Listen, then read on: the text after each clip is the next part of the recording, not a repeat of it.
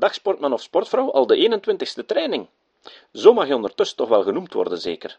En wat dacht je? Dat het bij stukjes van vijf minuten ging blijven? Nee, nee, nee.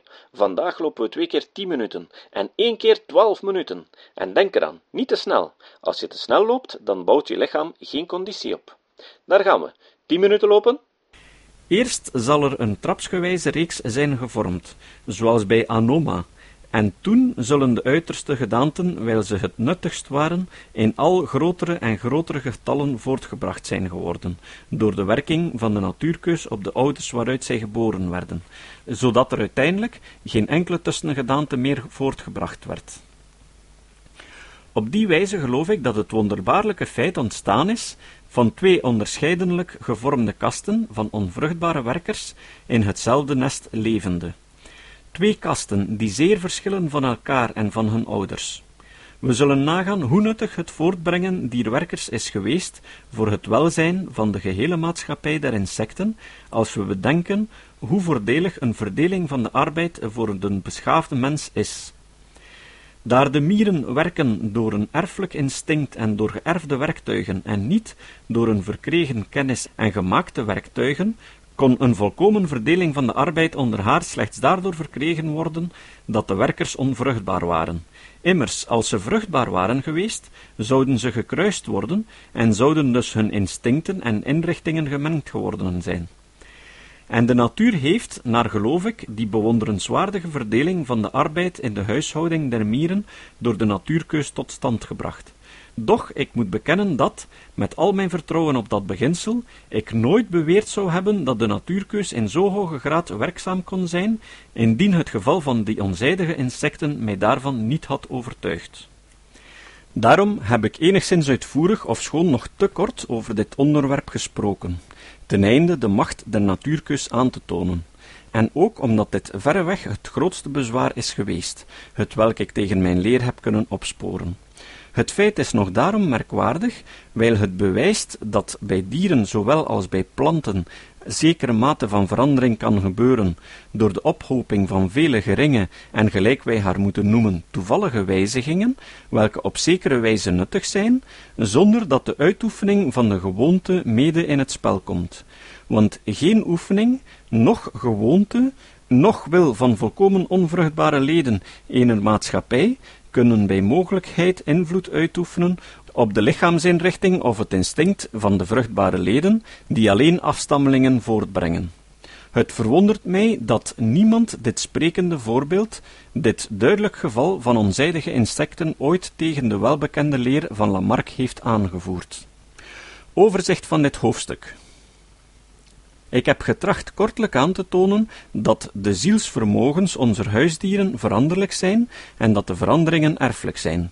Nog korter heb ik getracht te bewijzen dat het instinct ook in de natuurstaat een weinig verandert. Niemand zal ontkennen dat het instinct voor elk dier van het hoogste belang is. Daarom zie ik geen bezwaar om te geloven dat als de levensvoorwaarden veranderen en er door de natuurkeus geringe wijzigingen van het instinct opgestapeld kunnen worden in een bepaalde richting ten nutte van de soort. In sommige gevallen hebben de gewoonte of het gebruik en het onbruik waarschijnlijk een rol gespeeld. Ik beweer niet dat feiten in dit hoofdstuk vermeld mijn leer zeer ondersteunen, maar geen van alle bezwaren die ik wist op te sporen, kon haar ook doen wankelen.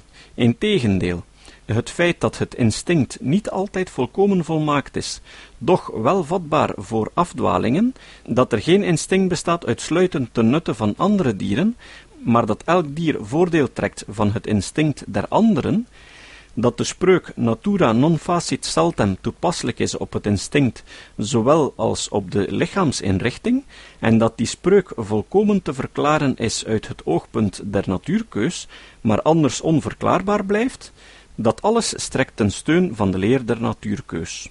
Ook wordt die leer gesteund door enige andere feiten betreffende het instinct, zoals door het algemene geval van naverwante, maar duidelijk verschillende soorten, die, als ze verschillende werelddelen bewonen en dus onder verschillende levensvoorwaarden leven, echter ongeveer hetzelfde instinct behouden.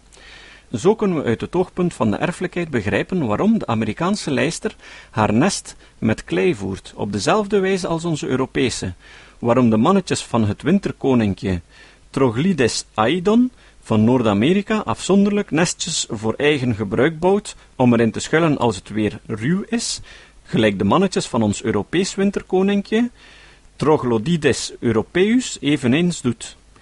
Een gewoonte van enige andere vogel in het geheel niet bekend. Eindelijk, het mag misschien niet logisch zijn, maar voor mijn verbeelding is het een veel grotere voldoening. De jonge koekoek die zijn voedsterbroeders uit het nest werpt, de mieren die slaven maken, de larven der sluipwespen die vroeten in de levende lichamen der rupsen, niet te beschouwen als bijzonder begaafde en onafhankelijk geschapen schepselen, maar als kleine gevolgen van een zeer algemene wet die op alle bewerktuigde wezens van toepassing is, namelijk deze: vermeerder u, verander u, laat de sterkste leven en de zwakste sterven. Al halfweg. Je bent nu toch wel goed bezig, zeker? Achtste hoofdstuk over de verbastering. Onderscheid tussen de onvruchtbaarheid van eerste kruisingen en die van bastaarden. De onvruchtbaarheid is veranderlijk en is niet algemeen en wordt door het kruisen van bloedverwanten en door het temmen gewijzigd. Wetten die de onvruchtbaarheid der bastaarden beheersen. De onvruchtbaarheid is niet een bijzondere gave, maar een toevallige omstandigheid die andere verschillen vergezelt. Oorzaken der onvruchtbaarheid van eerste kruisingen en van bastaarden. Vergelijking van de uitwerkselen der veranderende levensomstandigheden met die der kruisingen. De vruchtbaarheid der rassen, als ze gekruist worden, en die van kruislingen is niet algemeen bastaarden en kruislingen onafhankelijk van hun vruchtbaarheid met elkander vergeleken. Overzicht. De meeste natuurkundigen geloven dat de soorten, als ze gekruist worden, de bijzondere gave ontvangen hebben om onvruchtbaar te zijn, ten einde een verwarring van alle bewerktuigde vormen te voorkomen. Dit schijnt ook in de eerste opslag zeer waarschijnlijk te zijn, want de soorten die in hetzelfde gewest leven, zouden bezwaarlijk afzonderlijk blijven bestaan, indien zij in staat waren om zich vrijelijk te kruisen. Het gewichtige feit dat bastaarden zeer algemeen onvruchtbaar zijn, is, geloof ik, door sommige nieuwere schrijvers veel te gering geschat. In de leer der natuurkeus is dit feit van hoogste gewicht, in zoverre dat de onvruchtbaarheid der bastaarden bij geen mogelijkheid van enig nut voor hen kan zijn, en derhalve niet verkregen kan zijn door de aanhoudende bewaring van opeenvolgende nuttige graden van vruchtbaarheid. Ik hoop in staat te zijn om te bewijzen dat de onvruchtbaarheid niet een bijzondere verkregen hoedanigheid of een gave is, maar dat ze het gevolg is van andere verkregen verschillen. Ofwel dat ze daarmede gepaard gaat. Nog twee minuten. In de behandeling van dit onderwerp zijn gemeenlijk twee klassen van feiten in beginsel grotelijks onderscheiden met elkander verward geworden, namelijk de onvruchtbaarheid van twee soorten als ze voor het eerst gekruist worden, en de onvruchtbaarheid der bastaarden die daardoor voortgebracht worden. Zuivere soorten bezitten natuurlijk zeer volkomen voortplantingswerktuigen, en echter als ze gekruist worden, brengen ze weinig of geen nakomelingen voort. Bastaarden daarentegen bezitten machteloze voorttelingswerktuigen in zoverre hun verrichting betreft, gelijk duidelijk zichtbaar is in het mannelijk element van dieren en planten, ofschoon de werktuigen zelf volkomen van inrichting zijn, in zoverre het microscoop ons kan bewijzen. In het eerste geval zijn de twee seksuele elementen, welke zich verenigen om het embryo voort te brengen, volmaakt. In het tweede geval zijn zij of in het geheel niet ontwikkeld, of onvolkomen ontwikkeld. Deze onderscheiding is van veel belang in het beschouwen van de oorzaak der onvruchtbaarheid, welke aan de twee gevallen gemeen is. Die onderscheiding is waarschijnlijk over het hoofd gezien, wijl de onvruchtbaarheid in de beide gevallen als een bijzondere gave, die onze bevatting te boven ging, beschouwd werd. De vruchtbaarheid der rassen, dat is van die vormen welke bekend zijn of geloofd worden van gemeenschappelijke ouders af te stammen, dat ze gekruist worden, en ook de vruchtbaarheid hunner gekruiste afstammelingen, is, naar mijn inziens, even belangrijk als de onvruchtbaarheid der soorten, want daardoor schijnt er een groot en klaar onderscheid tussen rassen en soorten gemaakt te worden. Beschouwen we eerst de onvruchtbaarheid der soorten die gekruist worden, en tevens die van haar bastaarden.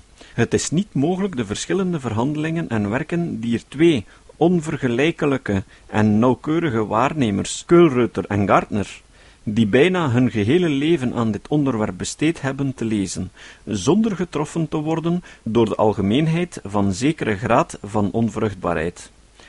Twee minuten wandelen. Keulreuter maakt de onvruchtbaarheid der soorten als ze gekruist worden tot een algemene regel. Doch hij hakt zodoende de knoop door, want in tien gevallen waarin hij twee vormen vond die door de meeste schrijvers als onderscheidene soorten beschouwd worden, en die tezamen volkomen vruchtbaar waren, aarzelt hij geen ogenblik om hen als rassen te rangschikken. Ook Gardner maakt insgelijks de regel algemeen en betwijfelt de volkomen vruchtbaarheid van de twee gevallen van Colreuter. Doch in deze en veel andere gevallen is Gardner gedwongen zorgvuldig de zaden te tellen, om te bewijzen dat er zekere graad van onvruchtbaarheid bestaat. Hij vergelijkt steeds het grootste getal zaadkorrels, door twee gekruiste soorten of door haar bastaarden voortgebracht, met het gemiddelde getal van beide ouderlijke soorten in de natuurstaat voortgebracht. Doch hierbij schijnt het mij toe dat er een grote oorzaak van dwaling ingeslopen is. Opdat een plant gekruist worden, moet ze van haar mannelijke voortelingswerktuigen beroofd worden, en, wat veelal nog meer van belang is, ze moet opgesloten worden, opdat er haar geen stuifmeel van andere planten door insecten aangebracht kan worden. Bijna alle planten nu waarmee Gardner zijn proeven nam, stonden in potten en werden in een kamer bewaard. Dat dit alles, en wel vooral de ontneming der meeldraden, zeer dikwijls nadelig is voor de vruchtbaarheid der plant, behoeft geen betoog. Gardner geeft een lijst van een twintigtal planten waarvan hij de meeldraden ontnam en die hij kunstmatig met het eigen stuifmeel bevruchtte, en met uitsluiting van de leminosa, waarbij de handelswijze zeer moeilijk is, de helft dier twintig planten werden min of meer in haar vruchtbaarheid aangetast. Tien minuten lopen. Bovendien, wijl Gardner gedurende verscheidene jaren bij herhaling de Primula vulgaris en Primula veris kruiste, die wij met zoveel recht voor verscheidenheden houden, en slechts één of tweemaal erin slaagde om vruchtbaar zaad te bekomen, wijl hij bevond dat de rode en de blauwe bastardmuur, Anagalis arvensis en Anagalis coerulea, welke de beste kruidkundigen voor verscheidenheden houden, tezamen volkomen onvruchtbaar waren. En wijl hij tot hetzelfde besluit kwam in verscheidene andere dergelijke gevallen, zo komt het mij voor dat we wel mogen twijfelen of vele soorten wezenlijk zo onvruchtbaar zijn, wanneer ze gekruist worden, als Gardner gelooft. Het is zeker dat de onvruchtbaarheid van verschillende soorten die gekruist worden zo verschillend in graad is en zo onmerkbaar uitgaat en aan de andere kant dat de vruchtbaarheid van zuivere soorten zo gemakkelijk door verschillende omstandigheden wordt gewijzigd, dat het uit een praktisch oogpunt hoogst moeilijk is te bepalen waar de volkomene vruchtbaarheid eindigt en waar de onvruchtbaarheid begint. Me dunkt, het beste bewijs voor de waarheid hiervan is wel dit, dat de twee meest gedreven waarnemers die ooit bestaan hebben, Colreuter en Gardner, tot volkomen tegengestelde besluiten gekomen zijn ten opzichte van dezelfde soorten. Het is ook zeer leerzaam, doch ik heb hier geen ruimte om in bijzonderheden te treden, te onderzoeken wat onze beste kruidkundigen denken over de vraag of zekere twijfelachtige vormen voor rassen of voor soorten behouden moeten worden, en na te gaan wat verschillende kwekers ten opzichte van vruchtbaarheid in verschillende jaren waargenomen hebben.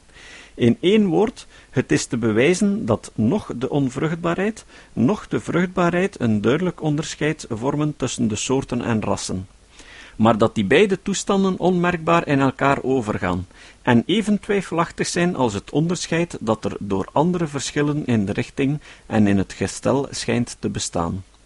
Beschouwen we nu de vruchtbaarheid der bastaarden gedurende opeenvolgende generatiën, of schoon erin slaagde om enige bastaarden te verkrijgen, die we zorgvuldig voor een kruising met elke zuivere bloedverwant behoeden, en hij die bastaarden gedurende zes of zeven, ja, en in één geval zelfs tien generaties aan één wist te bewaren, verzekert hij echter uitdrukkelijk dat hun vruchtbaarheid nooit toenam, maar in het algemeen grotelijks verminderde. Ik twijfel niet, of dit is meestal het geval, en dat de vruchtbaarheid vaak plotseling in de eerste generatiën afneemt, is zeker. Evenwel geloof ik dat bij al die waarnemingen de vruchtbaarheid verminderd is door een bepaalde oorzaak, namelijk door het kruisen van verwanten. Ik heb zoveel feiten verzameld welke bewijzen dat een kruising tussen bloedverwanten de vruchtbaarheid vermindert, en aan de andere kant dat een toevallige kruising met een verschillend individu of ras de vruchtbaarheid vermeerdert, dat ik niet twijfelen mag aan de waarheid van deze stelling, die algemeen onder de kwekers en fokkers voor waar aangenomen wordt. Goede waarnemers kweken zelden een groot soort bastaarden tezelfder tijd, en daar de oudersoort of andere verwante bastaarden in het algemeen in dezelfde tuin groeien, moet het bezoek van insecten gedurende de bloeitijd zorgvuldig verminderd worden. Daarom zullen bastaarden gewoonlijk in elke generatie bevrucht worden door het eigen stuifmeel van het individu zelf. En ik ben overtuigd dat dit ten nadele van de vruchtbaarheid zal wezen, die bovendien al reeds door de verbastering verzwakt is. Al vier minuten voorbij. Ik ben in die overtuiging bevestigd geworden door een merkwaardige waarneming, herhaalde malen door Gartner gedaan. Namelijk, dat als zelfs de minst vruchtbare bastaarden kunstmatig met bastardstuifmeel van dezelfde soort bevrucht worden, hun vruchtbaarheid niet tegenstaande de vele schadelijke gevolgen der behandeling ter bevruchting, somtijds duidelijk vermeerdert en blijft voortgaan met te vermeerderen. Nu, bij een kunstmatige bevruchting wordt het stuifmeel, ik weet het bij ondervinding, even vaak bij toeval genomen van de helmknopjes van een andere plant als die van de bloem zelf welke bevrucht moet worden, zodat een kruising van twee bloemen, hoewel waarschijnlijk op dezelfde plant, op die wijze tot stand komt. Bovendien, als er samengestelde proeven genomen werden, dan zal een zo zorgvuldig waarnemer als Gartner de meeldraden wel aan zijn bloemen ontnomen hebben, en dit zal in elke generatie een kruising met het stuifmeel van een andere bloem ten gevolge gehad hebben, het zij van dezelfde plant of van een andere dergelijke bastaardplant. En dus het zonderlinge feit dat het toenemen der vruchtbaarheid in de opvolgende generatiën van kunstmatig bevruchte bastaarden mag, naar ik geloof, daaraan toegeschreven worden dat het kruisen onder verwanten verhinderd werd. Niet vertragen. Laat ons nu zien welke uitkomsten een ander zeer bekwaam waarnemer, namelijk Herbert, verkregen heeft. Hij is even stellig in zijn besluit dat sommige bastaarden volkomen vruchtbaar zijn, even vruchtbaar als de zuivere moedersoorten. Als Kolreuter en Gardner stellig zijn in hun uitspraak dat zekere mate van onvruchtbaarheid tussen verschillende soorten een algemene wet der natuur is. Hij nam proeven op enige van dezelfde soorten waarmee Gardner zijn proeven gedaan had. Het verschil in beide uitkomsten moet, dunkt mij, toegeschreven worden aan de grote bedrevenheid van Herbert in alles wat het kweken van planten betreft, en tevens aan de omstandigheid dat hij warme kassen ter zijn beschikking had. Van zijn vele belangrijke opgaven noem ik hier slechts deze, namelijk elk eitje, ovula, in het zaadhuisje van Crinum capense, bevrucht door stuifmeel van Crinum revolutum, bracht een plant voort, een feit het welk ik nooit door de natuurlijke bevruchting zag gebeuren, zodat we hier een volkomene, ja zelfs meer dan volkomene vruchtbaarheid in een eerste kruising tussen twee verschillende soorten zien. We zijn al halfweg deze training. Dit geval geeft mij aanleiding tot het vermelden van een hoogst zonderling feit. Er zijn namelijk individuen van een soort van kardinaalsbloem, Lobelia, en van enige andere geslachten, welke veel gemakkelijker bevrucht kunnen worden door het stuifmeel van een andere en onderscheidene soort dan door haar eigen stuifmeel.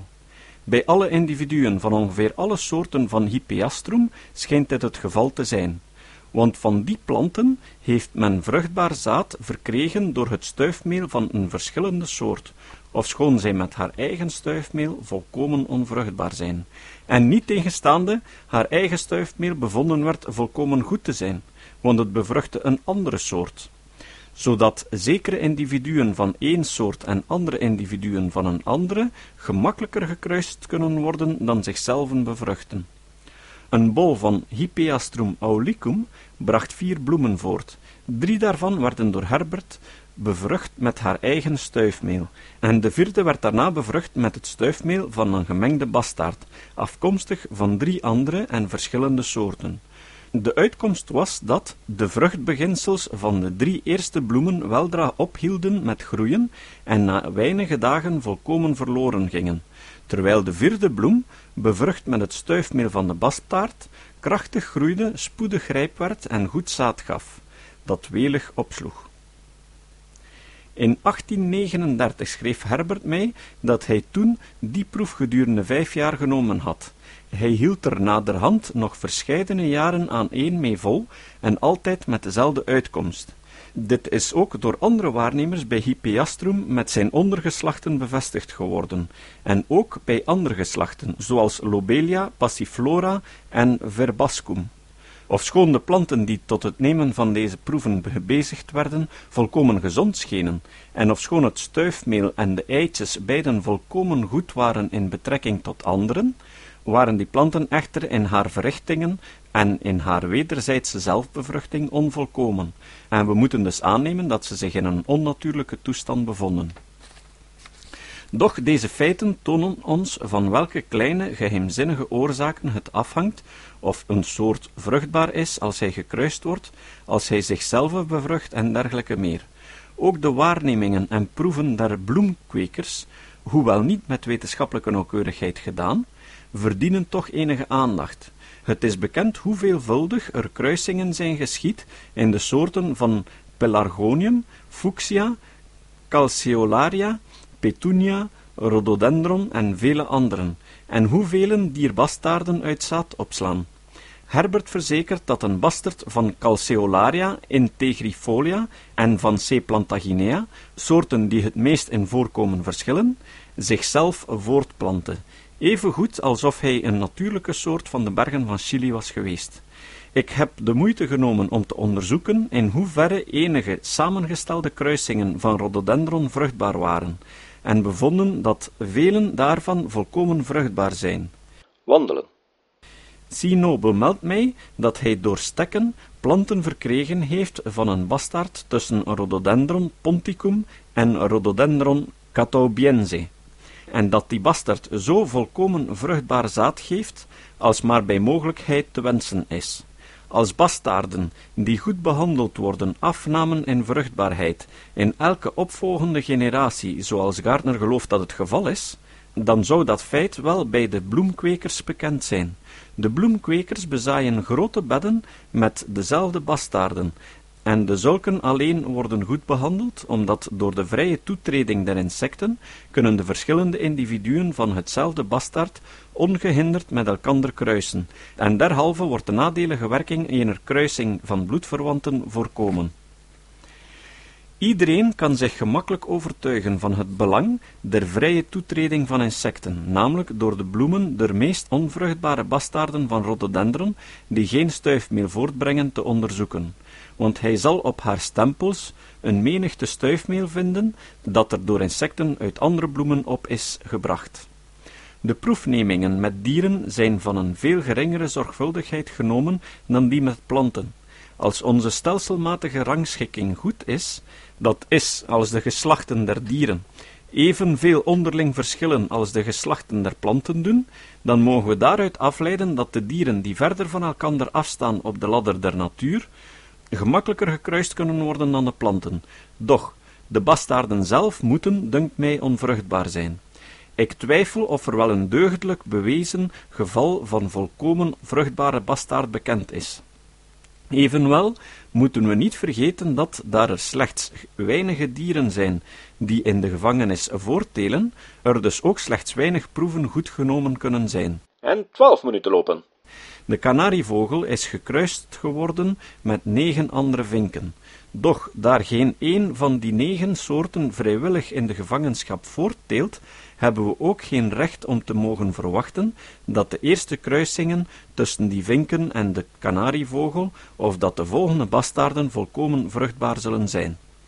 En verder, ten opzichte van de vruchtbaarheid in opvolgende generatiën van meer vruchtbare bastaarden, is mij nauwelijks een voorbeeld bekend van twee huisgezinnen van dezelfde bastaarden, die van verschillende ouders afkomstig waren, dezelfde tijden grootgebracht werden, terwijl tevens de slechte gevolgen van een kruising tussen bloedverwanten kon worden voorkomen.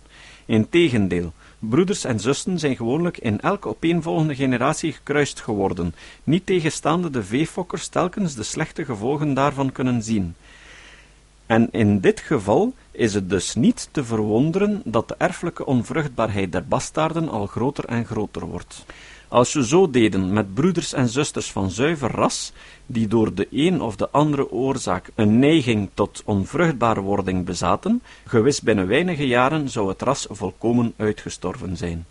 Hoewel ik geen goed bewezen feit ken van volkomen vruchtbare bastaarden onder de dieren, heb ik toch enige reden om te geloven dat de bastaarden van Servulus vaginalis en Servulus revesi en ook dat die van de gewone fazant, Phasianus colchicus en de ringfazant, Phasianus torquatus, met de Japanse fazant, Phasianus versicolor, volkomen vruchtbaar zijn. Er valt niet aan te twijfelen of deze drie fazanten kruisen zich en zijn in Engeland dooreengemengd geworden.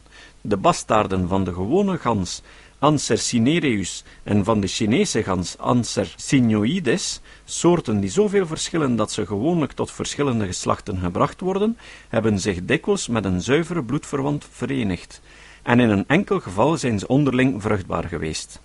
Dit werd uitgevoerd door Aiton, die twee bastaarden kreeg van dezelfde ouders, doch van verschillende broedsels, en van die twee vogels verkreeg hij niet minder dan acht bastaarden, kleinkinderen van de zuivere ganzen uit één nest. In Indië moet die gekruiste gans evenwel veel vruchtbaarder zijn, want twee zeer bevoegde rechters, namelijk Blyth en kapitein Hutten, hebben mij verzekerd dat er in verschillende gedeelten van het land gehele kudden van zulke gekruiste rassen gevonden worden, en wijl ze wegens voordeel gehouden worden en er geen zuivere oudersoorten bestaan, zo moeten ze zekerlijk ten hoogste vruchtbaar zijn.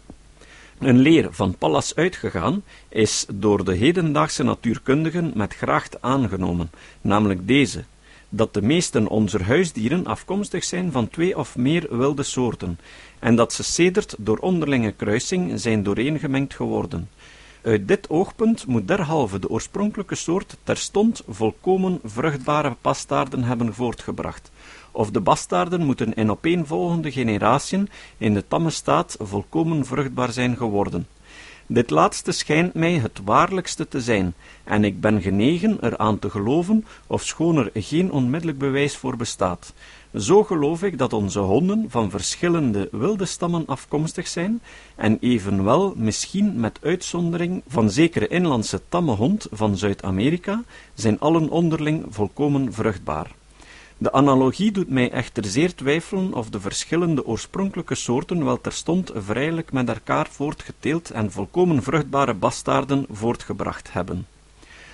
Zo is er ook grond om te geloven dat ons Europese rund en het gebulte rund van Indië volkomen vruchtbaar met elkander zijn, doch volgens mededelingen van Blyth moeten zij, geloof ik, gehouden worden voor onderscheidene soorten. In onze beschouwingen van de oorsprong onze meeste huisdieren moeten we dus of opgeven het geloof aan de bijna algemeen onvruchtbaarheid van dieren van verschillende soorten wanneer ze gekruist worden, of we moeten de onvruchtbaarheid beschouwen niet als een onuitwisbaar en onveranderlijk kenmerk, maar als vatbaar om door het temmen gewijzigd te worden. En verder alle welbewezene feiten der kruising van dieren en planten in acht nemende, mogen we besluiten dat zekere graad van onvruchtbaarheid, zowel in eerste kruising als in bastaarden, zeer algemeen voorkomt, maar dat zulks daarom toch niet, bij onze tegenwoordige mate van kennis, als een onveranderlijke en uitsluitende regel beschouwd moet worden. Kom aan, niet opgeven over de wetten die de onvruchtbaarheid der eerste kruisingen en der bastaarden beheersen. We willen het bovenstaande onderwerp nu enigszins nauwkeuriger beschouwen. Vooraf willen we zien of het waar is dat de soorten met de gave der onvruchtbaarheid begunstigd zijn, ten einde een eindeloze vermenging en verwarring in de bewerktuigde wezens te voorkomen. De volgende stellingen en besluiten zijn hoofdzakelijk ontleend aan het schone werk van Gardner over de verbastering der planten. Ik heb veel moeite gedaan om te bepalen in hoeverre zijn regelen ook op dieren toepasselijk zijn, en in aanmerking nemende hoe gering onze kennis in de verbastering der dieren is, heeft het mij grotelijks verwonderd te vinden dat dezelfde regelen in het algemeen op de beide rijken van toepassing zijn. We hebben reeds opgemerkt dat de graden van vruchtbaarheid, zowel van eerste kruising als van bastaarden, lopen van volkomen onvruchtbaarheid tot een onbepaald volkomen vruchtbaarheid. Het is opmerkelijk op hoeveel wegen het bewijs van het bestaan dier graden te bewijzen is. Als er stuifmeel van een plant uit zekere familie geplaatst wordt op de stempel van een plant van een andere familie, oefent het volstrekt geen andere invloed uit dan enig ander bewerktuigd stof. Van dit nulpunt van vruchtbaarheid af verwekt het stuifmeel van verschillende soorten van hetzelfde geslacht, gelegd op de stempel van de ene of de andere soort, een trapsgewijze opklimming in het getal van zaadkorrels die voortgebracht worden, tot aan een bijna of zelfs geheel volkomen vruchtbaarheid. En, zoals we in enige ongewone gevallen gezien hebben, zelfs tot een overmaat van vruchtbaarheid, boven die welke het enige stuifmeel der plant zou voortbrengen. Zo is het ook bij bastaarden. Er zijn sommigen die nooit een enkele vruchtbare zaadkorrel voortgebracht hebben en dat waarschijnlijk nimmer zullen doen. Zelfs niet met het stuifmeel van een zuivere bloedverwant. In sommige van die gevallen evenwel kan er een eerste spoor van vruchtbaarheid bespeurd worden. Als het stuifmeel van ene der zuivere moedersoorten teweeg brengt dat de bloem van de bastaard zich vroeger ontwikkelt dan ze anders gedaan zou hebben. De vroege ontwikkeling ener bloem is, gelijk bekend is, een bewijs van een beginnende bevruchting. Van die laagste graad van vruchtbaarheid hebben we alle trappen tot aan bastaarden die zichzelf bevruchten, en daarna voortbrengen een al groter en groter getal van zaadkorrels, die allen volkomen vruchtbaar zijn. Bastaarden van twee soorten die zeer moeilijk te kruisen zijn en zelden nakomelingen voortbrengen, zijn in het algemeen zeer onvruchtbaar. Doch, het staat bij lange na niet gelijk, zoals algemeen geloofd wordt, dat het even moeilijk is om een eerste kruising te doen plaats hebben, als om op die wijze voortgebrachte bastaarden te doen voorttelen. Er zijn veel gevallen waarin twee zuivere soorten zeer gemakkelijk tot een vereniging gebracht kunnen worden en zeer vele bastaarden voortbrengen. En echter zijn die bastaarden zeer onvruchtbaar. Aan de andere kant vindt men ook soorten die hoogst zeldzaam of slechts met de grootste moeite gekruist kunnen worden. Doch de bastaarden, als eindelijk bestaan, zijn zeer vruchtbaar. Zelfs binnen de grenzen van hetzelfde geslacht, zoals bij de anjelier, Dianthus, komen die twee tegenovergestelde gevallen voor. De vruchtbaarheid van eerste kruisingen en van bastaarden wordt veel gemakkelijker door de ongunstige omstandigheden aangedaan dan de vruchtbaarheid van de zuivere soorten. Ook de graad van aangeboren vruchtbaarheid is tevens veranderlijk, want het is niet altijd gelijk of twee soorten onder dezelfde omstandigheden gekruist worden. Het hangt ten dele af van het gestel der individuen die voor de proefneming uitgekozen worden. Zo is het ook met de bastaarden.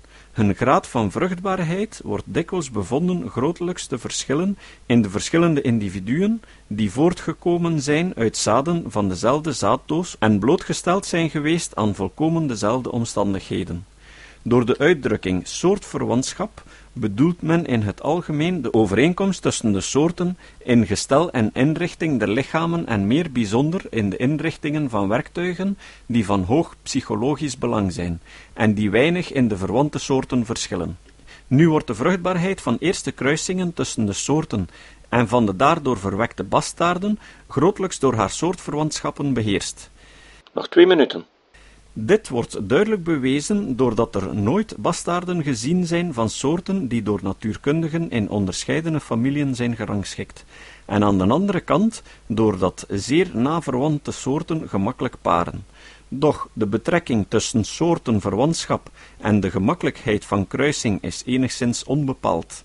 Er zijn een menigte voorbeelden te geven van zeer naverwante soorten die niet willen paren of slechts met de grootste moeite daartoe gebracht kunnen worden, en aan de andere kant van zeer verschillende soorten die uiterst gemakkelijk paren.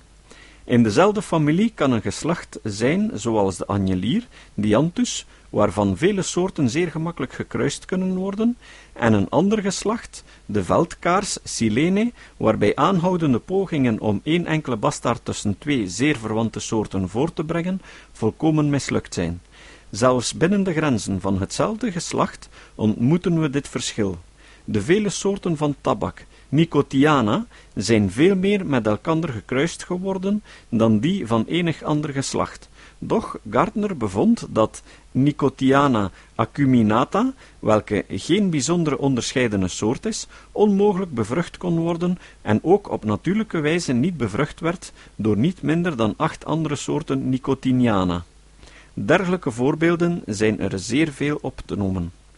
Niemand is nog in staat geweest om op te geven welk onderscheid of welke mate van onderscheid in eniger zichtbare kenmerk gevorderd wordt, om de kruising van twee soorten te verhinderen. Nog 30 seconden. Het kan bewezen worden dat planten die zeer verschillen in voorkomen en in gestalte, en tevens een groot onderscheid vertonen in elk deel van de bloem en zelfs in het stuifmeel, in de vrucht en in de zaadlobben, desniettemin gekruist kunnen worden. 10, 9, 8, 7, 6, 5, 4, 3, 2, 1 en stop! Proficiat, je hebt het gekund. De week is alweer voorbij. Je hebt nu twee dagen rust en volgende week doen we er weer wat bij.